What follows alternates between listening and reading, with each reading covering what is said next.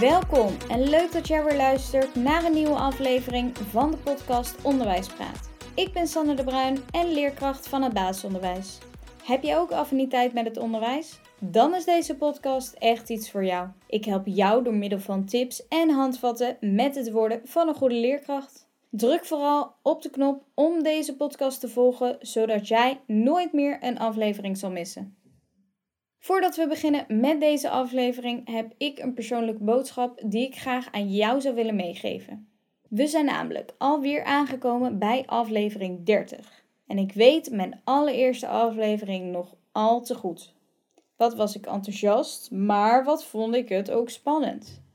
Ik weet ook nog de twijfel die toesloeg tussen aflevering 10 en 15. Wil ik dit nog wat doen? Wat bereik ik hiermee? Vind ik dit nou echt leuk? Toch bleef ik afleveringen en content maken. Waarom? Omdat ik een onderbuikgevoel had dat ik dit niet moest stoppen. Ik had het gevoel dat de podcast en de waarde die ik hiermee leverde mooie dingen zou opbrengen en dat ik veel mensen zou kunnen helpen. Maar dit gebeurde niet na aflevering 10 of 15 of 20, maar pas na aflevering 28. Ik mocht namelijk spreken op het online congres van de IPABO. Onwijs gaaf waar ik ze echt nog ontzettend dankbaar voor ben. Ik mocht mijn ervaring als startend leerkracht delen en hierdoor studenten en leerkrachten inspireren. Als je mijn Instagram in de gaten had gehouden, kon jij je hiervoor inschrijven. Onwijs gaaf als jij hierbij was en super bedankt voor het luisteren en de input. En ik weet zeker dat er nog veel meer van deze mooie dingen aan zitten te komen. Maar die bereik ik alleen heel simpel door door te zetten. Hoewel sommigen dat ook wel van mij verwachten omdat ik een podcast heb, heb ik echt niet altijd zin om achter die laptop te duiken en een nieuwe aflevering te schrijven. Nee, ik ben echt veel liever fysiek actief, zoals wel meerdere leerkrachten onder ons. Maar toch doe ik het wanneer ik denk aan jou die ik kan bereiken en die naar mij luistert en van mij kan en wil leren.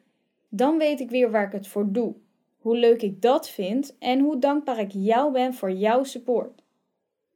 Vooral de vragen en de reacties die ik krijg, die doen me echt heel erg goed. En ik vind het dan ook fantastisch om jou te kunnen helpen en dat is mijn drijfveer. Maar niet iedereen begrijpt dat. Dat je uit het helpen van anderen jouw motivatie en energie kunt halen. Zo legde ik eens contact met iemand en vertelde dat ik bij vragen graag wilde helpen waarop ik de vraag terugkreeg of ik iemand van de sales was. Want dan kon ik beter ophouden met praten.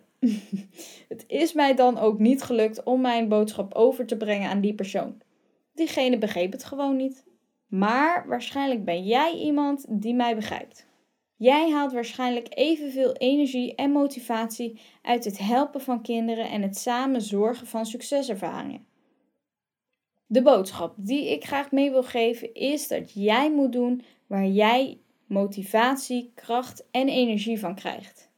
Zoek hetgeen waar jij gelukkig van wordt en begin je met iets nieuws, verwacht dan niet gelijk het uiterste, maar ga gewoon door. Luister naar jouw intuïtie. Een zaadje moet je ook altijd eerst heel veel water geven voordat het gaat bloeien. Hetzelfde gebeurt bij iets nieuws waar je aan begint. Verwacht niet gelijk resultaat, maar ga door. Dat was mijn boodschap die ik graag met jou wil delen. Ik hoop dat je er iets aan hebt. Nu gaan we verder met het onderwerp van deze aflevering, namelijk de 21ste eeuwse vaardigheid informatievaardigheden.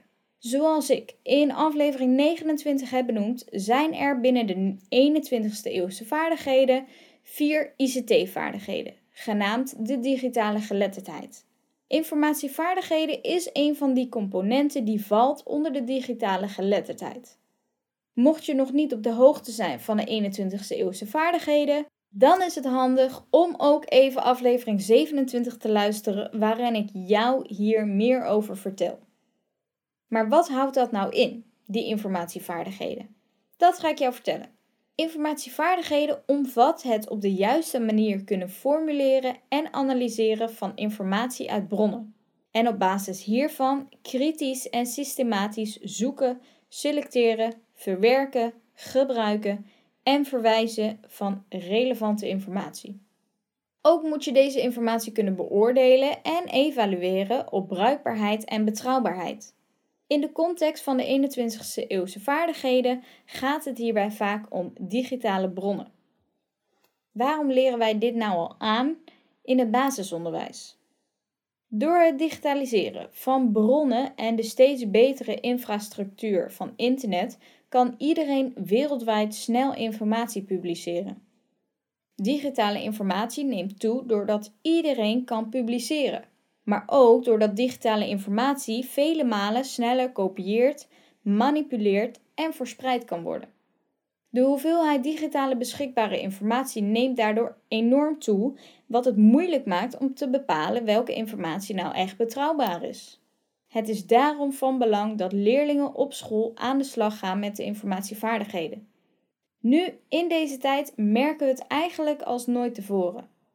Iedereen is in de coronatijd op zoek naar zijn of haar eigen waarheid. Vaak doen we dit door gebruik te maken van bronnen van het internet, omdat hier gewoon enorm veel informatie te vinden valt. Nu moet je alleen wel weten hoe jij deze bronnen kan vinden, met elkaar kan vergelijken en kan beoordelen op bruikbaarheid en betrouwbaarheid, zodat jij niet het verkeerde aanneemt. Het is dus wel duidelijk dat het een belangrijke vaardigheid is. En natuurlijk, omdat het zo belangrijk is om aan te leren, is er ook een leerlijn opgesteld met doelen.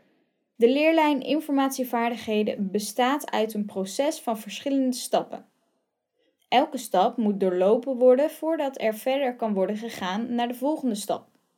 De eerste stap is informatieprobleem herformuleren. Stap 2 is het bepalen van zoekstrategieën. Stap 3 is het verwerven en selecteren van informatie. Stap 4 is het verwerken van deze informatie. Stap 5 is het presenteren van deze informatie. En de laatste stap, stap 6, is het evalueren en het beoordelen. Ook deze stappen zijn weer in fases opgedeeld, zoals alle leerlijnen, met bijpassende aanbodsdoelen om aan deze vaardigheid te werken in de klas. De fases zijn opgedeeld van fase 1 tot met fase 5. Fase 1 is de onderbouw, fase 2 is de middenbouw, fase 3 is de bovenbouw en fase 4 en 5 zijn het voortgezet onderwijs. Deze leerlijn kun jij vinden op de website van SLO.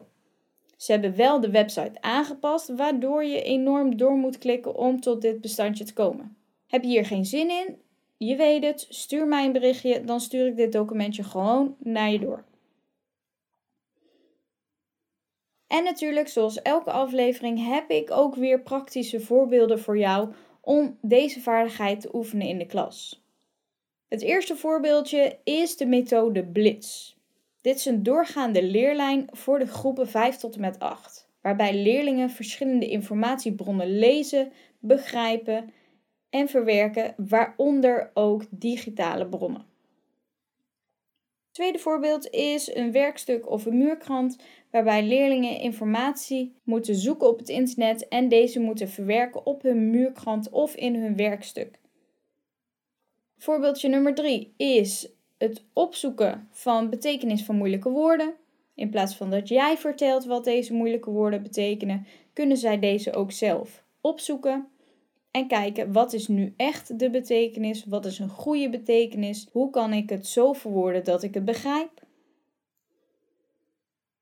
Voorbeeld 4 is het formuleren van zoekvragen, waarbij je onderscheid maakt tussen hoofd- en deelvragen.